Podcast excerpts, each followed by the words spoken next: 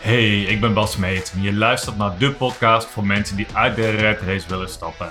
Ik deel mijn eigen ervaringen en ga in gesprek met anderen over thema's als zingeving, bewustzijn, spiritualiteit, persoonlijke ontwikkeling, carrière en startend ondernemerschap.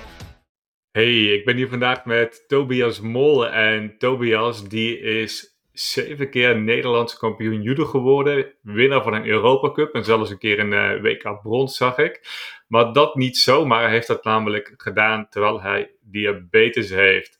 Dus hij weet alles van het vechten voor je doel, het doorzetten. Ook al heb je niet alle juiste kaarten misschien in, de, in je hand. En uh, ja, na zijn sportcarrière uh, studeerde hij ook af in uh, bestuurs- en organisatiewetenschap, management, uh, coachingopleidingen. Ja, inmiddels geeft hij heel veel lezingen, zag ik, voor organisaties. Helpt mensen ook echt voor hun doelen te vechten. Doet dat via workshops en ook individuele begeleiding. Ik ben heel nieuwsgierig naar zijn verhaal en wat we daarvan kunnen leren. Dus ja, welkom Tobias. Leuk dat je er, uh, leuk dat je er bent. Hey, dankjewel Bas. Leuk om hier te zijn. Ja, gaaf. Hey, laten we bij het begin beginnen. Hè. Je, het, het, het, begin van jouw verhaal. Uh, ja, diabetes. En wanneer, sinds wanneer wist je dat, dat je diabetes had? Ik weet eigenlijk niet anders. Ik uh, ben op mijn tweede gediagnosticeerd met diabetes. Hm. En dan, ja, dan lig je als kleintje een week in het ziekenhuis. En dan groei je op met het idee: oké, okay, ik moet zoveel keer per dag spuiten. Hier en hier rekening mee houden. En dit mag wel en dit mag niet. Precies, dus je hebt eigenlijk nooit anders gekund. Het was voor jou je hele leven eigenlijk gewoon, dit, dit is het, weet je, dit, dit hoort erbij, dit is gewoon een deel van mij. Maar voel, voel je dan dat, dat daarmee dingen voor jou misschien lastiger waren dan, dan voor anderen? Merkte je daar verschil in? Nou, ik voelde me wel anders dan anderen in mijn omgeving. Bijvoorbeeld uh, op een kinderfeestje in mijn jeugd, dat iedereen kreeg dan taart of snoep met uh, een glas cola. En ik had een apart bakje met suikervrij snoepgoed en ik kon niet alles eten. En soms dan uh, werd ik er ook niet bij betrokken, omdat het voor andere mensen moeilijk was om rekening met mij te houden. Dus ja. Pijnlijk zijn op die leeftijd. Um, ja, dus je bent zeker anders, maar ik heb er nooit een slachtoffer gevoeld. Nou, gelukkig. Ja, ik kan me voorstellen als kind, hè, iedereen zit lekker aan de snoep en, uh, en leuke, lekkere dingen op feestjes. En dan krijg je je eigen bakje misschien wat heel anders in. Dat je je wel uh, ja, wat anders voelt. Maar hoe ging het? Dat, dat, heb je nooit een slachtoffer gevoeld? Kwam dat ook door je, door je ouders dan? Die, die misschien gewoon deden alsof het heel normaal was? Hè? Want je, je hebt natuurlijk ook van die ouders die behandelen hun kind dan echt als een soort van slachtoffer en zieleer en heeft heel veel aandacht nodig. Hoe, hoe was dat bij jou? ik vreemde het altijd zo voor mezelf. En ik denk dat ik dat ook bewust of onbewust van mijn ouders heb meegekregen. Dat mijn, het snoepgoed wat ik at, eigenlijk toch gezonder voor je was. Dus los van uh, de diabetes zijn er ook nog andere voordelen waarom datgene wat ik had eigenlijk beter voor je was. Dus ik had altijd wel later als ik groot ben op lange termijn is dit toch beter voor me ja, goede manier om te reframen natuurlijk, weet je, als je het zo gelooft. En, en ja, als je dat als kind ook kunt geloven op die manier, is wel, uh, vind ik wel knap, hè. Want uh, zeker als kind ga je natuurlijk, kijk je natuurlijk vaak naar anderen. En wil je, wil je vaak ook wat anderen willen. Dus dan, dat, dat, dan denk ik dat je best wel een sterk, sterk bewustzijn hebt. Als je dat zo kunt, kunt framen voor jezelf. Joh, ik eet gezonder. Ik, het is beter voor me. Eh, ja, ik heb altijd wel een bepaald geloof gehad in de toekomst. Dat als je de juiste dingen doet, dat dingen in de toekomst wel goed komen. En daar kan je ook weer in, in doorslaan natuurlijk. Want ik was heel streng voor mezelf. En ik was voor, en zeker voor een kind, uitermate gedisciplineerd.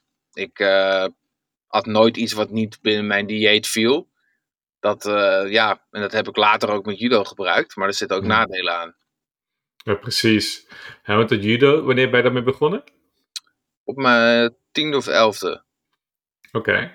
En had je dan meteen al zo'n grote. Was je meteen heel gedreven? Dat je dacht van ja, ik wil hier goed in zijn? Of was het gewoon van joh, ik ga een sport beoefenen en jullie lijkt me leuk? Ik was altijd heel fysiek. Dus ik ging vroeger met mijn vader stoeien en ik vond het ook leuk om het. Als ik met de klasgenootjes een keertje ruzie had, dan uh, sloeg ik ze niet, maar dan gooide ik ze wel op de grond. Dus dat is wat ik altijd al deed. En ik had ook altijd iets in mij een bepaald soort frustratie of een bepaald soort gevoel waar ik niet echt iets mee kon. Ehm, en dat kon ik wel uiten door uh, op de judomat heel hard te vechten. Hmm. En ja, in het begin uh, was ik daar talentvol in, omdat ik veel sterker was dan leeftijdsgenoten. En dan won ik wel wat toernooitjes voor ja, judokas met een witte band in de leeftijdscategorie rond de 12. Nou, dan kom je op een gegeven moment in een divisie met tegenstanders die een stuk beter zijn. Maar dan verloor ik alles. Dus dan, uh, nou, ik had echt enorme spanningen voordat ik naar een wedstrijd toe ging. S'avonds uh, huilen en uh, was ik weet ik veel, 12, 13. Dat was echt ongelofelijke stress, want ik moest winnen. En dat zat echt iets achter van, ja, waar dat vandaan komt weet ik niet. Maar gewoon echt vechten alsof mijn leven er vanaf hing. En ja, dat heb ik al later ook wel uh, gehouden, maar later kon ik dat wel wat beter kanaliseren. Ja, dus wat je zegt, eigenlijk was het eerst gewoon een uitlaatklep voor je ook. Hè? Er zat dus wat, wat er iets van, van emoties zo, wat er waarschijnlijk uit moest of spanning. En dat, dat die judo, dan kon je dat, kon je dat loslaten op een fysieke, fysieke manier ook. En wel, wel interessant hè, op een gegeven moment dat je dan zegt van, ik moet gaan winnen. En uh, ik wil je net vragen, ja, wat denk je dat het vandaan kwam? Er was een soort van een, een, een, een drive naar, uh, ja, was het een, een, toch een zoek naar bevestiging of zo? Of je kracht laten zien? Of een soort van compensatie voor iets anders? weet je waar dat in zat? Of, uh... Ik denk een stukje bevrijding. Dat ik dus hmm. bevrijding van uh, mijn eigen emoties waar ik mee worstelde. En dat is, is makkelijk om dat concreet buiten jezelf iets te hebben om uh, tegen te vechten of voor te vechten. Voor mij was dat dan judo. Dus als ik een judo-wedstrijd won, of als ik won van de tegenstander, was eigenlijk een overwinning op mezelf. Oh, zo, ja. Een overwinning op mijn eigen emoties. En daarvan losbreken van, van je emoties die je beperken, dat is wel voor mij altijd een drijvende factor geweest. Precies. En op een gegeven moment werd je natuurlijk beter. En, en, en wanneer ben je het heel serieus gaan nemen? Dat je dacht van, hé, hey, ik kan hier echt goed in worden. Ik denk dat ik, zes, vijf, ik 15 of 16 was. Toen werd ik derde van Nederland in de levenscategorie tot 17 jaar. En toen had ik niet eens heel hard getraind in de aanloop daar naartoe. En ik was ook niet mentaal voorbereid op die wedstrijden. Ik werd toch derde. Ik had kampioen kunnen worden qua talent. En later uh, won ik ook nog van de gast die Nederlands kampioen werd dat jaar. Toen dacht ik, oké, volgend jaar wil ik kampioen worden. Nu ga hm. ik gewoon alles op alles zetten en uh, dan is het goud voor mij. Dus je hebt op dat moment eigenlijk twee dingen. Aan de ene kant zeg je van, joh, het is een commitment. Weet je, ik ga volgend jaar kampioen worden. Dus er zit een hele grote drive achter. Um, maar ook, hè, je, je, ja, je hebt ook die diabetes, weet je. En er ja, tenminste, ik zie niet heel veel van de hele grote top, topsporters of zo, die dan, eh, die dan toch gewoon, gewoon doorzetten. Um, waar komt die drive vandaan van, joh, ik, ik ga kampioen worden? Was het een... Nee, die stond voor mij los van, van diabetes. Ik hield daar helemaal geen rekening mee. Ik, dus het kan enerzijds, juist hmm. omdat ik voor mijn diabetes altijd goed voor mezelf moest zorgen, dat ik op een hele jonge leeftijd een discipline heb ontwikkeld. Als ik niet goed at, ja, dan was mijn bloedsuiker slecht, voelde ik me ook slecht, kon ik ook niet presteren. Die drive nou ja, elke factor die uh, van invloed kan zijn op een wedstrijd, om die te controleren, die heb ik ook doorgezet van diabetes naar judo. En nou ja, tot aan het obsessieve aan toe. Alles wat ik at, alles wat ik deed, moest daarmee in lijn zijn. Ja. Ook wel vanuit die, uh, nou ja, proberen grip te hebben op een stukje interne frustratie. En dat is, nou, wat ik al zei, dat is makkelijker om dat uh, buiten jezelf te doen. En dan daarin te winnen. En ik vind dat nog steeds niet heel ongezond hoor. Als je maar ziet waarom je het doet. En als je hem ook maar binnen aanpakt. En als je dan buiten binnen gezonde kaders en uitlaatklep hebt, dan denk ik dat het alleen maar uh, goed voor je is. Ja, precies. Ja, ik vind het zo mooi als mensen er gewoon echt zo'n drive hebben van, joh, dit wil ik en ik maak de commitment en ik ga het doen. Want ik, ik zie dat ook, kijk wat wij doen hebben, mensen helpen die het roer om willen gooien in hun carrière, die helemaal vastlopen en hun werk er geen energie uit halen. Uh, je, je, hebt de mensen die blijven dromen en nadenken en wensen. En je hebt de mensen die maken die commitment, die hebben die drive van nee, weet je, ik ga het anders doen volgend jaar is mijn situatie anders. En ik ga daarvoor. En dat zijn uiteindelijk de mensen die het ook doen uiteindelijk. Hè? Dus ik vond dat altijd heel mooi om te, om te gaan onderzoeken. Waarom kunnen sommige mensen wel zo'n commitment maken en doen het? En waarom blijven sommige mensen hangen in een wens of in een droom? En hebben allemaal redenen om het niet te doen en twijfelen. Um, en die zullen we later vast nog op, op, op, op terugkomen. Maar um, ja, bij, jou, bij jou was het gewoon meteen helder. Uh, van, joh, dit wil ik gaan doen. Of, of zat er nog iets van, twijfel dat je het ook ging halen? Of was jij gewoon zo, nee, dit ga ik halen, ik ga kampioen van Nederland worden en je maakt een plan en je gaat ervoor? Ik twijfel over. Maar ik denk ook dat je energie krijgt om iets te doen als je gelooft dat je het kunt. Uh, Zeker. We hebben een master in management gedaan en ik ben afgestudeerd op uh, zelfeffectiviteit, het onderwerp zelfeffectiviteit. Dat lijkt een beetje op zelfvertrouwen. Het gaat om de inschatting die je maakt om iets positief af te kunnen ronden of te leren om iets positief af te ronden. En uh, je kon ook zien uit het onderzoek wat ik deed, dat mensen die meer zelfeffectiviteit hadden, meer vertrouwen hadden dat ze iets konden. Nou, enerzijds, dat is besta al uit bestaand onderzoek, die mensen beginnen meer aan nieuwe dingen, die zetten door bij tegenslag. Maar die waren ook innovatiever op werk. Dus die hmm. doen gewoon nieuwere dingen, omdat ze denken dat ze het kunnen of het kunnen leren. Precies. En ja, dat is ook in, in coaching is dat interessant. En misschien ook wel op een bepaalde manier. Als je dan een heel groot doel hebt, ja, dan is het voor sommige mensen te groot om in hun hoofd uh, te bevatten. En ze maken dan een inschatting, oké, ik kan het niet behalen. Dus dan hmm. komt de energie ook niet vrij, hebben ze ook niet de motivatie. Maar als je het opknipt in kleinere doelen, klopt. Dan wordt het makkelijker. En elke keer dat je dit doel haalt, neemt je vertrouwen toe. Dus het is groter dat je het volgende weer aanpakt. Ja, ik vind dat mooi hoe je het formuleert van het vertrouwen van of ik kan het of ik kan het leren. Hè? Als je natuurlijk vertrouwen van ik kan het leren, dan is het er ook om te gaan. Hoe ik het vaak, uh, vaak zeg, dat hè, als iemand gelooft van ik kan het niet, ja, dan, dan doe je het niet. Maar dingen ombuigen van ik kan het niet naar een misschien kan ik het, vind ik ook altijd een hele mooie. Hè? Ik weet niet of ik het kan, ik, kan niet, ik heb niet de commitment van ik geloof niet 100% erin.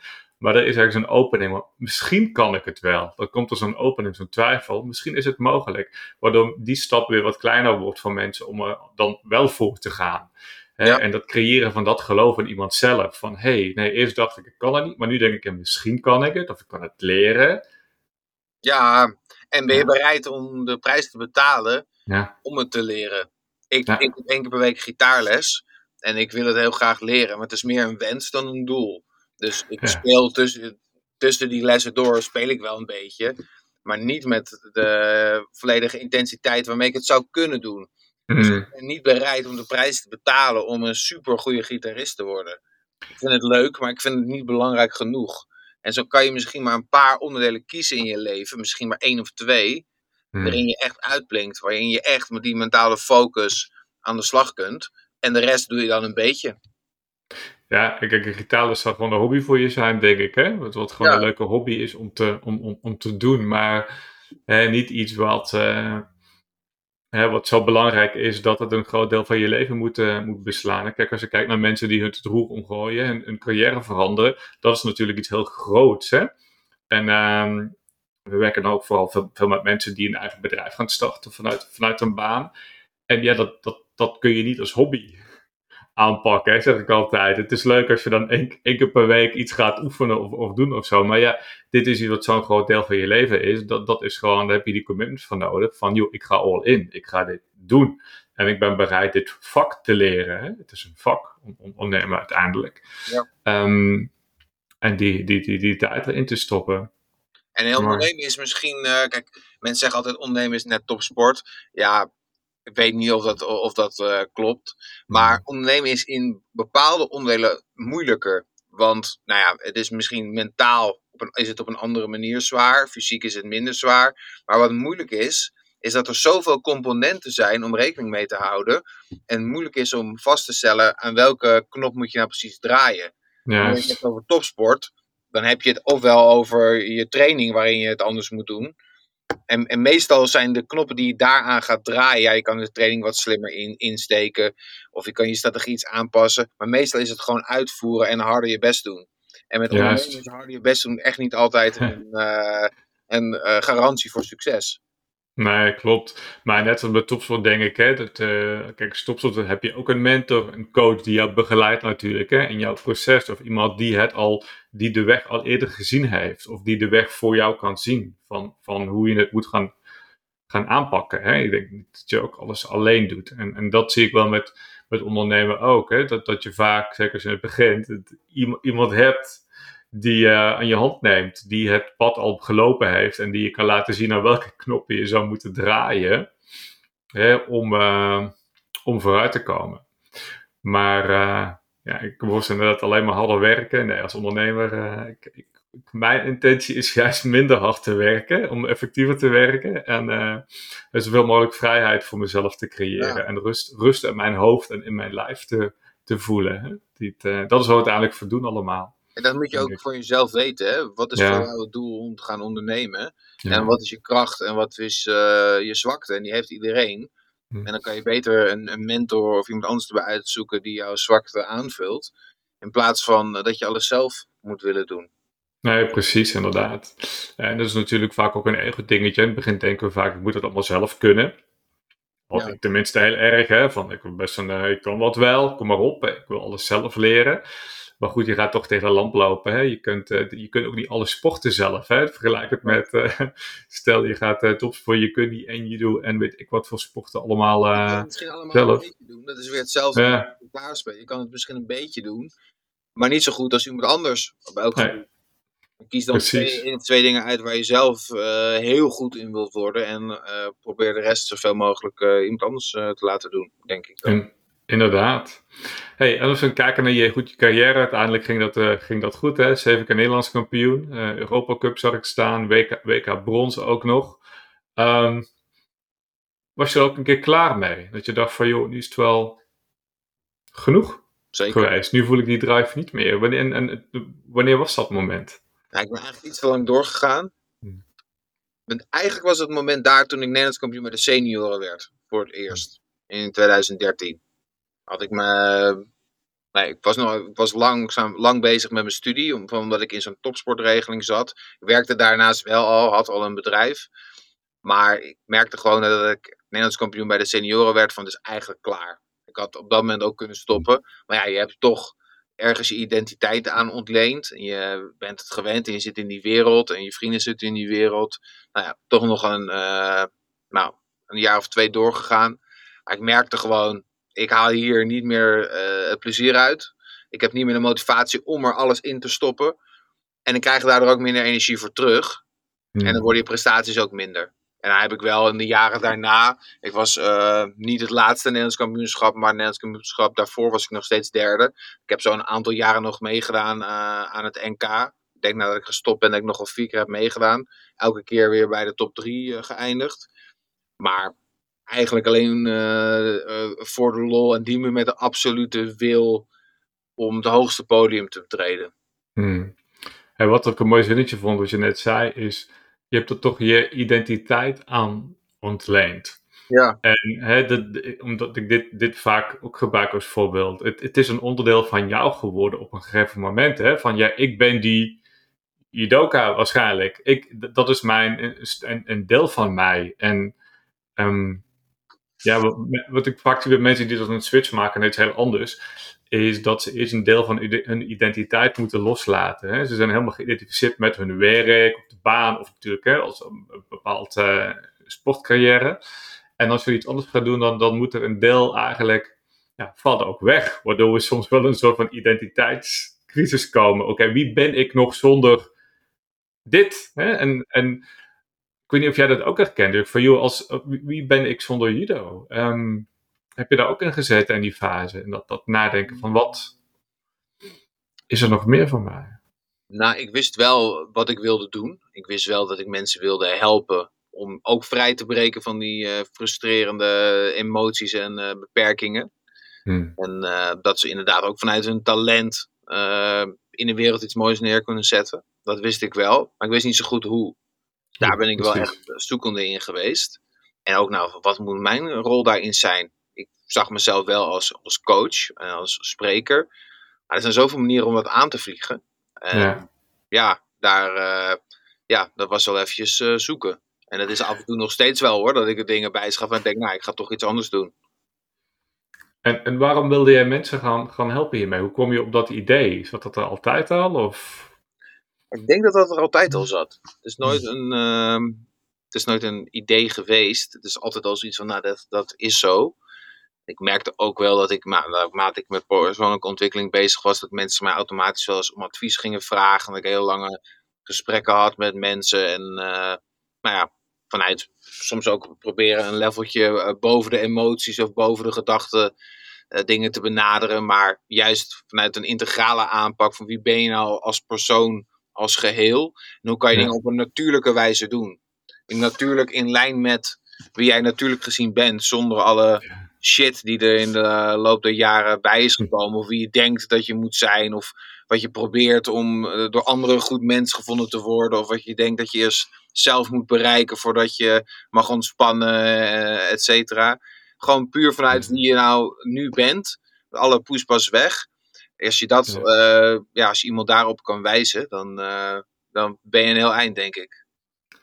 Ja, dit is zo fantastisch. Het is handelen vanuit wie je bent. Hè? En, en, en, veel mensen handelen vanuit, moet ik zeggen, van, van, vanuit van, de eerste verwachtingen van, van, de, van, de, van de maatschappij natuurlijk. Of vanuit, als ik kijk naar werk, hè, vanuit een cv. Hè? Wat is een logische volgende stap voor mijn ja. cv? En, en ja, zeker als mensen al heel lang hetzelfde, in dezelfde rol zitten. En dan maakt het niet zozeer uit of dat op werkvlak of iets anders is. Maar dan is het vaak, merk ik dat ze zichzelf gewoon een beetje kwijt ben. En dat de vraag van wie ben ik eigenlijk, dat het een hele moeilijke vraag geworden is. En dat we vaak wel een verhaal hebben. Dit is mijn verhaal dat, over wie ik ben. Maar is het dan echt wie ik ben? Of ben ik gewoon ooit een keer in dat verhaal gerold? En heb me gewoon door dat verhaal laten meenemen. Door externe omstandigheden. Hè? Ik rol van de ene baan en de andere baan. Ik word daar gevraagd en ik word dit en dat. En dan komen die vrienden op mijn pad. En je wordt gewoon je rolt er gewoon doorheen. En op een gegeven moment dat ze dan hebben van ja, wie ben ik, wie ben ik eigenlijk? Hè? Wat, wat als we dat verhaal dan eens helemaal loslaten? Ja. Wat, wat blijft er dan over? En dat proberen we dan ook in, in, in woorden te vatten of een beroepslabel aan te hangen. Terwijl het nooit één op één gaat passen. Uiteindelijk gaat, gaat het erom, oké, wat doe je met, met wie je bent? En dat kan soms in verschillende rollen zijn. En soms is de rol die je nu hebt helemaal niet passend. Maar om dat te zeggen, dit is het label en ik kan in één woord mezelf omschrijven. Ik denk dat dat niet mogelijk is. Nee, klopt. Ja, ik vind het een hele moeilijke vraag van wie, wie ben ik? Hè? Het, is geen verzameling van woorden en gedachten hè? Die, die kan omschrijven wie, je, wie, wie je bent. En het is heel moeilijk. Ik denk altijd, ik denk dan aan, als je het wil omschrijven, naar een aantal uh, aantal meren denk, kijk ik altijd naar, ja, wat zijn bijvoorbeeld waarden waar ik voor, voor, voor sta, weet je? Wat zijn persoonlijke waarden die ik heb? Mhm. Waar de vraag is, ja, wie, waar leef ik naar en waar, waar sta ik voor eigenlijk? En um, ik denk, ja, dat maakt het soms heel spiritueel, dat, dat mensen om de zoveel jaar toch weer veranderen. Hè? Dus nu denk je, ik ben dit, en over vijf jaar of tien jaar ben je weer een heel ander mens geworden. Ja. Wie ben je dan? En weer een paar later ben je weer iemand anders. Dus dan denk ik van ja, wat, wat ben je dan echt? Misschien, hè, wat, wat blijft er over? En denk ik dat er een, alleen maar een soort van bewustzijn is en, en hè, dat het gewoon niet, uh, niet in woorden of gedachten te, uh, te, te vatten valt. En misschien dat je na, weet ik veel, twintig jaar, als je dan terugkijkt, dat je denkt, oké, er is wel een gemeenschappelijke deler over wat hmm. ik belangrijk vind. Precies. Ik geloof ook heel erg in dat stukje bewustzijn. Ik denk dat je enerzijds je hebt je bewustzijn en je bent je bewust nou ja, van je emoties en je gedachten. Maar daarnaast heb je ook de wereld waarin je leeft, waar je ook een onderdeel van bent. En dat moet je met elkaar zien te verenigen. En dat is soms echt een gevecht, dat is soms lastig. Zeker als je uh, opgroeit of leert om heel erg bewust in het leven te staan, dan heb je nog meer om tegen te vechten. Want je bent je bewust van elke gedachte die je hebt. Je bent je bewust van al je emoties. En, en dan? dan zijn ze er en dan denk je van, nou, het is misschien niet een goede gedachte, het is misschien niet een pure emotie. Ben ik dan wel een goed persoon? Of ben ik het dan wel waard? Of kan ik het dan wel? Je hebt sommige mensen die hebben er helemaal geen last van. Die eh, zijn wat dat betreft minder bewust bezig met hoe ze zich voelen. Die doen gewoon. En die hebben dus op sommige vlakken een voordeel. Want die overdenken het niet. Die zitten niet vast in uh, die negativiteit. Maar als je straks met bewustzijn ook nog eens kan stoppen met vechten tegen jezelf, dan ben je nog een stap verder, denk ik heerlijk. En, en ik denk wat je zegt, dat soms hebben we bepaalde emoties en we koppelen die denk ik aan, aan wie we zijn, onze identiteit. Hè? Dus ik, ik voel me, laten we zeggen, ik voel, mij, uh, ik voel me afgewezen of ik voel me min, minder waardig doordat er iets gebeurd is. En dan zeggen we, dus ik ben, weet je, ik ben minder goed. Ik, ik zou anders moeten zijn. Hè? Dan gaan we dat koppelen aan onze identiteit, terwijl het eigenlijk alleen maar een emotie is die er nou eenmaal is. We zijn allemaal mensen, we hebben allemaal emoties en er gebeuren dingen binnen ons leven die nou helemaal gewoon gebeuren. Maar dat betekent niet dat, je die, de, dat die ons als persoon veranderen. Dat we dat moeten koppelen aan, aan wie we zijn. En ik denk dat dat de grote uitdaging is van mensen ook uh, van dit verschil maken tussen, uh, tussen dingen die, die gebeuren, emoties en het, het, het gevoel van wie we echt zijn. Ook onze eigen waarde, denk ik, hè? die, we, die we hebben. Ja, ik denk op basis van wat je zegt, dat we continu op zoek zijn naar wie we zijn. Ja. En oh, ik heb een negatieve emotie, dan ben ik misschien geen goed mens. Oh, iemand anders vindt dat ik iets niet goed heb gedaan, dan ben ik misschien niet goed genoeg. oh, de volgende vervolgstap in mijn carrière is dat ik op deze functie ga solliciteren, want dan word ik misschien wie mijn ouders denken dat ik moet zijn, of dan ben ik misschien succesvol. We zijn continu op zoek naar iets buiten onszelf en continu iets willen worden, vergeten dat we al iets zijn. En zo kan je je hele leven doorgaan en dan ga je straks dood en dan weet je het nog steeds niet. Dan denk je, fuck. Exact. Heerlijk om het zo, om het zo ook uh, te horen. En ook ja, die, die herkenning, hoe ik het, uh, ik het leren. Mensen, mensen die zelf constant de vraag stellen, ja, wat, wat, wat, wat, wat moet ik gaan doen? Wat wil ik? Wat past bij mij? En, en ik zeg, nou, de eerste vraag is, wie ben ik? Want wat je gaat doen dient aan te sluiten bij wie, wie jij bent. Hè? Daar, dat, is, uh, dat is de kern uiteindelijk. En, en dan ben je congruent. Hè? Als je handelt naar wie je bent, de persoon, dan rust. Je hoeft ja. geen rol meer te spelen. Je hoeft niet te doen alsof je uh, iemand, iemand anders bent of het voor anderen doet. Maar ook zoveel druk dat je het nu al het, het perfecte antwoord moet hebben. Misschien weet je het nu even niet. En misschien is dat ook oké. En ja. hoe, wat, je, wat je leuk vindt. En de rest komt vanzelf. Ja, mooi. hey, waar ik even naartoe wil, is dat stukje die overgang voor jou hè, naar, naar het ondernemerschap. Hè? Die sportcarrière, die, uh, die kwam toen ten einde. En je ging, uh, je ging voor jezelf beginnen. Wat, wat was het eerste wat je ging doen? Ging je spreken? Ging je coachen? Wat was jouw eerste idee of eerste, eerste aanbod? Ik werkte al een, een tijd voor mezelf toen ik stopte. Dat was in de sportmarketing uh, met een compagnon destijds. Ik wilde richting de één op één begeleiding op mentaal vlak, persoonlijk leiderschap. Nou, ben ik trainingen gaan geven bij organisaties. Voor traineeships bijvoorbeeld. Uh, opgroeiende young professionals. Om hen te leren om meer regie te nemen over, ook, over een mentale staat van zijn. En vanuit uh, die skills ook in hun werkveld nou, op te groeien tot uh, volwaardige manager of iemand die nou, zijn talenten kan benutten. Heb ik het een tijd gedaan. Toen kreeg ik toch meer behoefte om ook te leren met mensen in een team. Dus ben ik in hmm. dienst gegaan van een consultancykantoor. Eerst in de publieke sector bij BMC. Dat is toen ook onderdeel van Yacht geworden. Um, binnen HR-afdelingen veel gewerkt, ook op beleidsniveau. En toen ben ik overgestapt naar de private sector voor Accenture, uh, trainer uh, en coach geworden. Bij verschillende multinationals, waarbij je je bezig gaat houden met learning and development, training, coaching. Ook zowel dus op strategisch niveau als inhoudelijk voor groepen staan. En na dat dus een aantal jaar in die consultancy gewerkt te hebben, wilde ik weer mijn eigen ding doen en mijn eigen visie helemaal kunnen neerzetten. Dus toen ben ik uh, weggegaan, wat interim uh, werk gaan doen en daarnaast dus trainingen gaan geven, opdrachten gaan doen voor verschillende grotere organisaties met name. Precies. Want je hebt, ik zag jouw website, je hebt de Tower of Trust heb je als website. Hè? En je hebt ook je diabetes, hoe was het, diabetescoach? Ja, ik heb een tijdje als diabetescoach gewerkt. Uh, met name ook dus voor, dus voor grotere organisaties dat ik onder andere zorgprofessionals ben gaan trainen in hoe kun je diabetici vanuit een mentaal perspectief naar een hoge performance helpen. Hmm. Maar ik merkte dat ik veel meer aanging over het algemeen om die performance te verhogen en mensen dat leiderschap uh, te helpen ontwikkelen. Dus ik ben gestopt met het stukje voor diabetes. Ik merk wel dat de mensen die ik nu coach, dus één op één hmm. coaching, dat zijn ook nog deels mensen met diabetes, en, uh, maar ook mensen die dat niet hebben. Dus ik heb het stukje diabetes heb ik losgelaten. Ik doe nog wel dingen voor, nou ja, bijvoorbeeld een farmaceut die daar in, in die branche werkt. Maar ik heb het niet meer puur voor mensen met diabetes ingericht. Want de vraagstukken van iemand met diabetes, nou, ik weet het zelf, die zijn nu net zo uh, van toepassing bij iemand die geen diabetes heeft. Ja, precies. Hey, wat wil ik nou vragen? In die, want dat vind ik dan altijd interessant, hè? Je, je begint dan met je, met je eigen bedrijf. Je denkt, ik wil één op één gaan, gaan, gaan werken met mensen. Hoe kwam jij in die tijd aan jouw eerste klanten? Was dat doordat je al bekendheid had? Of dat je je verhalen? Of hoe kwamen mensen op jouw pad? Hoe ben je aan die eerste klanten gekomen? Met name via LinkedIn.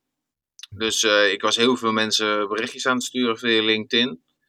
Ook wel via, via in een netwerk van judo bijvoorbeeld. Ja. Maar ook heel veel, uh, heel veel via LinkedIn. En heel veel uh, contact leggen met mensen. En ja, ik was er ook niet altijd super handig in. Ik zou het nu anders doen. Maar ja, zo aldoende leert men hè. Zeker. En wat, je stuurde gewoon rechtstreeks naar mensen berichtjes? Of ja, waren het dan organisaties waar die een berichtje naartoe sturen? Van joh, ja, kan ik het doen voor jullie bedrijf? Precies, ja. Oké. Okay. Gaaf. Ja, want dat is voor zoveel mensen, bij, bij, ons ook, als je je eigen bedrijf start, de eerste vraag van ja, waar ga ik mijn klanten vinden? Hè? En er zijn natuurlijk zoveel manieren om het te doen, dus ik ben altijd heel nieuwsgierig. En ik ben ook heel erg fan van, in het begin is het ook een beetje het Wilde Westen met je cowboyhoed op en maar gaan sprokkelen hè? en zichtbaar maken en ook durven, durven vertellen wat je doet, je, je pitch helder hebben en ga maar mensen benaderen en ga maar erop uit. En eh, eh, voordat je echt hele chique dingen gaat proberen met luxe branding of adverteren en dat soort dingen, ga eens maar eens gewoon... Uh, erop, erop uit. En misschien ook niet um, te behoeftig zijn. Kijk, ik ben absoluut geen ja. verkoop-expert, maar ik vind dat dat met alles in het leven zo werkt. Als je heel erg een gesprek ingaat met ik moet iets verkopen, of ik mhm. moet iets bereiken, hè, überhaupt al, dan mis je het vaak. Dan ben je krampachtig, dan zie je niet meer alle mogelijkheden, dan speel je niet meer spontaan in op de situatie. En dan heb je een gefixeerd doel, terwijl misschien een andere uitkomst je nog veel meer kan helpen aan beide partijen. Ja. Meer vanuit ontspanning. Dat is moeilijk als je geld nodig hebt en je hebt geen inkomensbron. Dat is de, altijd de uitdaging. En daarom heb ik er ook voor gekozen om het uh, te combineren met bijvoorbeeld een interimwerk. Uh, waarbij een organisatie mij voor een aantal dagen per week inhuurde om op, ook op trainingen en coachinggebied, learning, uh, wat te doen. Waarbij ik dus wel met het vakgebied bezig was, maar op een iets andere manier, maar wel een stukje zekerheid had. Dat is een tussenvorm die voor mij werkte. Ja. Maar ja, misschien dat iemand anders weer, eh, het hangt ook een beetje af van wat je wil. Zie, dat is natuurlijk ook anders. Hè? Ik zie dat bij ons ook heel veel mensen het naast hun baan gaan doen. Hè? Dat ze een eigen bedrijf starten. Naast hun baan om een beetje die, die veiligheid en zekerheid te hebben. En ja, wat je net zegt, heel herkenbaar. Ik zeg het tenminste, als je een verkoopgesprek ingaat, ik noem het niet eens een verkoopgesprek. Eh, je doel is heel simpel, de ander helpen. En kijken waar ligt een probleem, waar ligt de behoefte. Wat is het verschil tussen het probleem en de behoefte? En hoe kan ik van dienst zijn om die persoon te helpen? En kan ik dat niet? Nou, ook, ook, ook oké. hè? En, kan ik dat wel, dan, dan, dan kan ik daar iets voor, uh, een antwoord voor doen. Maar het resultaat loslaten en gewoon jezelf... Uh, zijn. Maar ja, ik heb ook die, die maanden gehad, het startend ondernemer, toen ik net een, een eigen coachingpraktijk had, dat ik aan het eind van de maand dacht, ik moet nu nog een klant hebben, want mijn hypotheek wordt over een week afgeschreven. Waar ga ik er een vandaan halen? En hoe doe ik het? Toen ging iedereen bellen, die ik op mijn lijst had staan, en dan lukte dan altijd wel om er maar binnen te halen. Maar ja, dat goed, het is niet, uh, niet, lekker. Niet, de lekkere manier waarop je het wil uiteindelijk. Hm, precies. Hey, um, je hebt een mooie tips op je website staan die gaat over de drie archetypes. En ik was natuurlijk heel nieuwsgierig, dus ik heb die test gewoon ingevuld. En uh, nou, dus er staat opeens dat ik een emotionele walvis ben. En ik dacht, nou, leuk dan. een emotionele walvis. En toen las ik de tekst erbij en dacht, nou, er zitten wel wat dingetjes in die, die, die, die, wel, die wel kloppen. He, kun je eens wat vertellen, wat zijn die drie archetypes? En wat houdt, die, wat houdt dat in? En, en waarom heb je die zo ontwikkeld? Wat heb je daaraan? Nee, ik zal ze eerst vanuit mijn eigen verhaal kort toelichten. Ik kreeg op mijn tweede diabetes en ik leerde, ik moest heel goed voor mezelf zorgen, heel veel verantwoordelijkheid nemen en heel hard werken. Nou, dan was mijn bloedsuiker goed. Dat betekent ook dat ik later minder kans had op complicaties. En die verantwoordelijkheid, en als je een doel hebt en daar alles aan doen om dat te behalen, en daarin heel strikt zijn en heel koppig, dat ging ik ook op jullie toepassen. En daardoor was ik veel doelgerichter dan leeftijdsgenootjes van mij. Ehm, en hmm. won ik ook veel meer. Ik werd Nederlands kampioen. En ik dacht, ja, dit is de manier om, met, om succesvol te zijn. Om met onzekerheid uit het leven om te gaan. Door gewoon keihard te werken. Maakt niet uit hoe ik me voel. Maakt niet uit hoe mijn lichaam voelt. Ik ga het gewoon doen. En het werkte tot op zekere hoogte. Ik had wel heel veel stress. Want ik moest winnen. En ik moest dit en dat. Ik moest heel veel. Ik had wel veel stress. Maar het resultaat was wel goed. Op een gegeven moment was ik in Sint-Petersburg. En op een trainingskamp van judo. En mijn lichaam was helemaal op. Ik had overal pijn. En ik wist diep van binnen ik moet gewoon rust nemen. Ik moet gewoon een paar trainingen overslaan, even op hmm. vakantie of zo. Maar ik deed het niet, want ik had geleerd om altijd door te gaan. En twee weken later was ik in Nederland tijdens een training en brak ik mijn enkel. Ik moest een plaat in met zeven schroeven. Toen ben ik even, ja. En toen ben ik wel even na gaan denken: van, hoe kan ik dat harde werken behouden, maar kan ik er wat slimmer in zijn? Kan ik effectiever naar mijn doel door, uh, toewerken in plaats van alleen maar door te rennen, want ik ren mezelf voorbij op dit moment. Nou, wow. dan komen we eigenlijk van de handelende leeuw. Dat is een archetype en elk archetype heeft een positieve en een negatieve kant. Als je hem even vanuit een simpele vorm bekijkt. De positieve kant is, je bent heel doelgericht, je bent moedig, je gaat alsmaar, altijd maar rechtdoor. Maar de negatieve kant, als je alleen maar dat archetype gebruikt, is je rent jezelf voorbij. Of je jaagt andere mensen tegen je in het harnas als ik tegen iedereen uh, zeg wat ik vind, want het werkt niet alleen voor sport zo, maar het werkt ook met jezelf uitspreken, met je mening geven. Als ik altijd mijn ongezouten mening geef, dan vinden mensen me ook een lul. En dan moet ik altijd alles te zeggen. Dus soms is niet de weg rechtdoor niet altijd de beste weg. Nou, kwam ik bij dat, bij dat rationele uil. Hmm. Ja, en een uil, denken we vaak aan een vogel die heel wijs is, maar ook aan een vogel die met zijn ogen dicht op een tak in het bos zit, die niet interacteert met de andere dieren. En elk kan naar boven kijken, strategisch zijn en ook zien waar de toekomst je brengt. Als ik zo doorga op deze manier, bijvoorbeeld in, in een baan die ik niet leuk vind, dan gaat het sowieso met mij eindigen. Dus rationeel, die kan de voor's en tegens ja. Het helpt als je vanuit die, leeuw als we aan het doorrennen bent. Oh, waar gaat, ik, waar gaat dit mij brengen, dit pad? Ja. Maar als je alles gaat overdenken, dan gebeurt er niks. Want er is altijd nog wel een afweging te maken. Is dit wel het juiste moment om iets te doen? Moet ik uh, misschien wachten of moet ik een andere optie nemen? Dan kan, kan, je continu blijven denken. Er gebeurt er uiteindelijk niets. Dus ja. een heeft een nadeel. Die heeft ook geen plezier. Die doet weinig. Dan je tenslotte de emotionele walvis. Hm. Iemand die heel erg vanuit, nou, voelt het wel goed voor mij? Zorg ik wel goed voor mezelf door deze keuze te maken? Luister ik naar mijn emoties? Kan ik mijn emoties uiten? Ben ik heel erg begaan met anderen? Misschien meer met anderen dan met mezelf in sommige situaties. Enerzijds kunnen die mensen die dit archetype veel gebruiken, goed levelen met andere mensen, goed connecten, zijn heel erg invoelend met anderen, invoelend met zichzelf, weten wat ze nodig hebben, maar zijn soms ook een beetje lief voor zichzelf. Hmm. Als ochtends mijn wekker gaat en ik luister naar mijn gevoel, dan snoes ik nog blijf ik nog even liggen. Maar dat werkt ja. niet. Maar soms een training overslaan is misschien wel goed. Nou, dat moet met elkaar in balans zijn. Zeker. Dan heb je alle drie die archetypen nodig. En vaak gebruiken we er maar één of twee en vergeten we de andere. Helemaal afhankelijk ook van de situatie waar je je in bevindt. Thuis ben je misschien iemand anders dan op het werk. Maar we zien toch dat de meeste mensen één of twee maar gebruiken. En daardoor ook de nadelen van de andere archetypen, of, of van die archetypen ondervinden. Mooi. Wat, wat ik dus het eerste, wat ik, wat ik dacht, hè, en, en dat mensen ook vaak hebben, van, oh, ik ben dit archetype, dus ik moet, ik moet iets anders zijn. Ik wil die leeuw zijn, bijvoorbeeld. Hè. Ik lees van, joh, ik ben een, uh, nou, ja. misschien de walvis. Het eerste wat je denkt van, oh, dat wil ik niet. Ik, ik moet die leeuw zijn. Ik wil ook niet die uil zijn, ik wil die leeuw zijn. Maar dat is natuurlijk ook zo'n oordeel, hè, want je hebt ze alle drie nodig. En dat vind ik zo mooi dan, wat jij het zegt, hè. Het is, je moet ze alle drie kunnen kunnen gebruiken en je kunnen leven en gebruiken in je dagelijkse leven en die balans vinden. En je hebt ze ook alle drie. Dus je hebt ze alle drie in je. En misschien door wat je vroeger hebt meegemaakt, als iemand vroeger tegen jou heeft gezegd van je moet even rustig doen of je moet niet zo koppig doen. Of uh, hè, wat, uh, wat, wat is vervelend dat je zo uitspreekt. Nou, dan stop je die leeuw misschien weg. Of als je tegen iemand zegt van hé, wat ben jij nou weer al uh, gevoelig. Dan kan het zijn dat je of juist daar helemaal afstand van doet voor je gevoel. Dat je verhardt en dat je juist naar die leeuw gaat. Of dat je er extra aan gaat vasthouden vanuit zelfbescherming. Of iemand is ooit een keer jouw grens overgegaan. Emotioneel of fysiek of wat dan ook. Oh, dat gaat me niet meer gebeuren. Ik ben, heb een keer, ben een keer uh, een burn-out gehad. Iemand heeft me als vrouw misschien fysiek aangerand. Eh, ik heb eh, mezelf niet uitgesproken, ben vroeger gepest.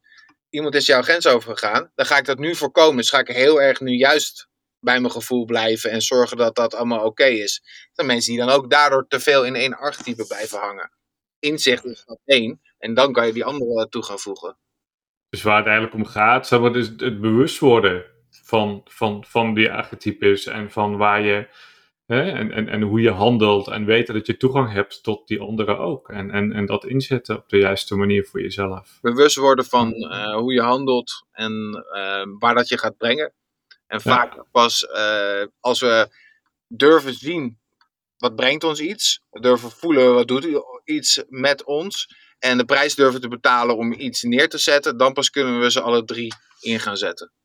Precies, mooi. Hey, dus als mensen de test willen doen, die kunnen ze vinden op jouw website, hè? Ja, we kunnen ze vinden op de Tower of Trust website of via mijn Instagram, Tobias Mol. Dan staat ook een linkje op mijn uh, pagina.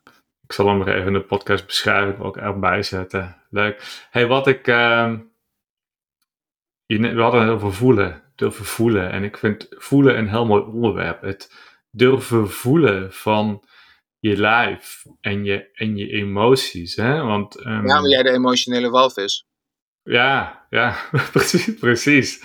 Ik heb heel vaak, nou niet durven voelen, dan laat ik het zo zeggen. Mijn, uh, ik heb heel veel woede in mezelf gehad vroeger, zeker als puber. Um, um, ik heb ook heel veel verdriet in me gevoeld, maar daar kwam ik pas later achter. Want ik, ik durfde het, of ik ging, ik weet niet of durf het juiste woord is, maar ik ging er niet naartoe. Ik wilde dat niet voelen, dus stopte ik het weg. En misschien was het wel onbewust, dus was ik er gewoon niet mee bezig. Wat, leidde uiteindelijk tot, tot bij mij lichamelijke klachten op allerlei manieren. Dat mijn lichaam ging reageren. Ik kreeg pijn in mijn borst, ik kreeg maagklachten. Uh, gebeurde van alles in mijn, in mijn lijf. En dat, het heeft heel lang geduurd voordat ik die relatie ging zien en daarvoor open stond. Maar Hè, goed, goed, nu weet, weet ik dat. En ik, uh, ja, ik, ik predik dat altijd, het belang van het durven voelen. En, en, en dat alle emoties ook mogen zijn. En je hoeft er niet mee op te gaan, maar je mag ze wel even, even voelen. En je mag bewegen, je mag ze uiten. Ja. Je mag het loslaten. Hoe, hoe kijk jij dan naar het belang van voelen en doorleven van emoties?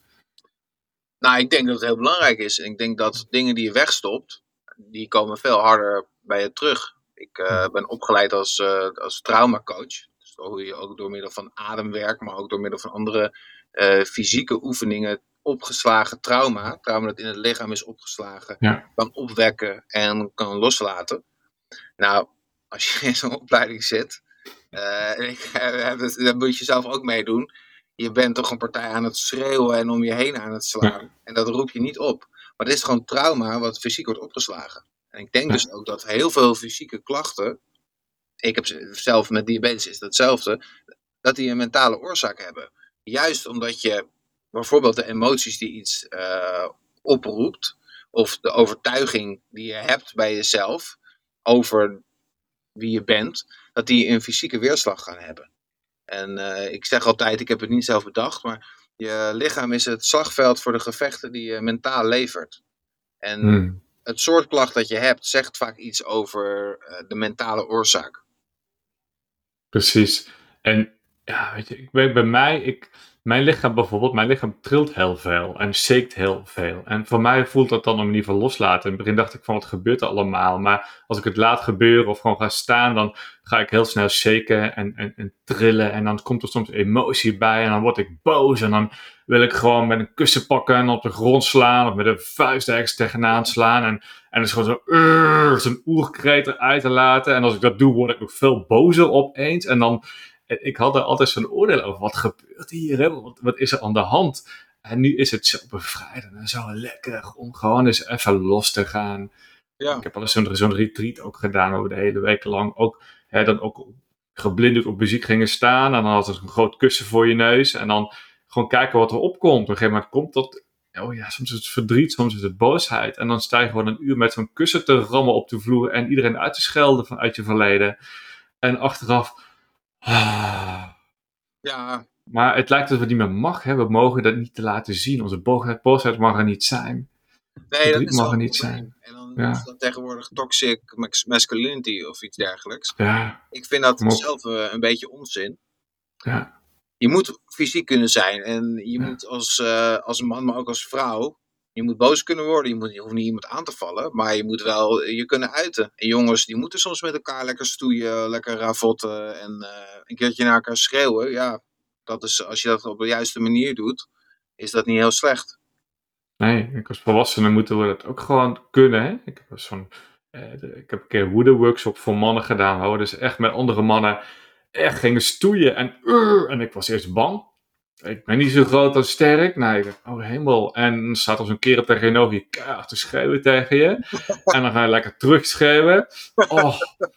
En, en dan, ja, maar dat, wanneer doen we dat? Weet je? Maar het, het is zo lekker. En heel veel mensen denken van, ja, het is niks van mij, weet je? Ja, nee. En, dat, dat zijn de mensen denken die op een gegeven moment ontplof je toch, omdat je het allemaal in je houdt. Hè? Het mag er niet meer uit. Dus nee, daar word je ik van. Ja. En daarom vertel ik dat ook mensen graag. Weet je? Ik, ik sta elke dag te dansen hier in de kamer hiernaast. Maakt me niet uit. Ik moet eruit, weet je. Ik, uh, maar soms zit het op Ramstein en de andere keer is het techno en de andere keer is het klassieke muziek dat ik, dat ik even moet janken of zo. En ja, ik heb het zo nodig. Het is allemaal zo uh, beschaafd, hè? Ja, en, en, en ja, ik, gun dat dan ook iedereen. Dan zeg ik van ja, ik gun het mensen zo om ook dat te doen en dat los te laten. Maar goed, dat is die emotionele walvis, hè? En uh, belangrijk niet altijd in die rol te blijven zitten natuurlijk. Maar ja, dat is ook wel een, een deel. Ja. Mooi, super. Hey, wat is jouw grote doel? Wat is jouw grote missie? Heb jij een grote missie die je wil uitdragen nog met jouw bedrijf of wat je ook wil gaan, uh, gaan doen? Nou ik heb een persoonlijke missie en dat is uh, voor mij genezing. Dus uh, genezing van diabetes. En de missie met mijn bedrijf, dat is echt zelfbevrijding voor mensen. Dus bevrijd je van jezelf, van je eigen beperkingen. Mooi. En heb jij, dat is altijd zo moeilijk, maar eh, stel mensen luisteren en zitten vast in die beperking. Eh, beperking ik zeg altijd, je wil iets graag, maar je voelt, hé, hey, ik, ik ga niet. Er zit een rem op. Hmm. Hè? Ik, heb een, ik zie iets voor mijn visie, maar ik, daar zit ergens een rem, waardoor ik dus niet in beweging kom. Wat is een eerste stap voor mensen? Om daar een klein doel van te maken. Klein doel, ja. Kijk, we, we weten niet hoe, waar we moeten beginnen. Of we hebben het gevoel dat, het, dat we het niet kunnen. En daardoor schuiven we het op de lange baan. En daardoor hebben we nu nog steeds dezelfde doelen, dezelfde dingen waarvan we vinden, oh, daar moet ik wat in veranderen, als vijf jaar geleden. We zijn alleen ouder en uh, een klein beetje zuurder misschien. Maar als je een klein doel stelt en het voor jezelf behapbaar maakt. En ken jezelf, hè? Misschien ben jij iemand die dat prima uh, alleen kan. Of zoek een goede coach uit. Eentje die niet alleen maar je probleem gaat analyseren. Want ik vind bijvoorbeeld waar wij het over hadden. Je lichaam het verhaal laten vertellen. En uh, iets van trauma wat je fysiek hebt op te laten lossen, vind ik goed. Maar alleen maar in het verleden graven, rationeel gezien. Dan kan je jezelf ook naar beneden praten en dingen veel uh, groter maken in je hoofd. Dan blijf je graven, graven, graven en je hebt nooit alle antwoorden. I've been there. En je komt er nooit helemaal uit. Je moet hier in het hier en nu, in het dagelijks leven, moet je stappen gaan zetten. Hier gebeurt het. gebeurt niet tien jaar geleden. Gebeurt ook niet bij je voorouders. En ik geloof helemaal dat je uh, op generatie op generatie dingen door kan krijgen. Maar je moet het hier doen. En zoek hmm. of een coach uit die je erbij kan helpen om hier kleine doelen te stellen en die te behalen. Of doe het zelf. Maar ga ermee aan de slag. Mooie woorden. Het, uh, ik zie het als de valkuil van persoonlijke ontwikkeling en spiritualiteit ook. De mensen blijven maar graven in het verleden. Ik moet eerst alles oplossen en daar is nog wat en ik heb hier een proces om door te gaan. En ze zijn alleen maar processen door het gaan, terwijl er niks gebeurt. Precies. En het is een combinatie. Weet je? Het is dat ook doel stellen en in het nu gaan, gaan leven en ergens voor gaan. Je leeft nu. Precies, ja. En uh, morgen is er weer een andere dag. Klopt. Hey. Tobias, ik wil je hartstikke bedanken voor dit mooie gesprek, mooie thema's. En uh, ja, mochten mensen meer willen weten over jou, ze kunnen je vinden op jouw website. Ja. .com, hè? Of uh, je gewoon vinden natuurlijk via, via Instagram.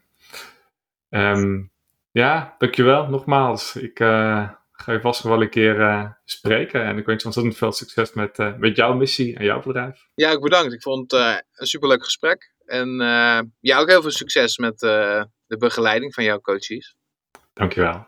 Is goed, Bas. Dankjewel, hè. Hoi. Hoi, hoi. Je luisterde net naar Uit de Red Race met Bas Meets. En je zou mij een enorm plezier doen wanneer je deze podcast een review of sterrenrating zou willen geven op Apple Podcasts of op Spotify. Wil je meer weten over het werk dat ik doe? Kijk dan op www.maakjouwimpact.nl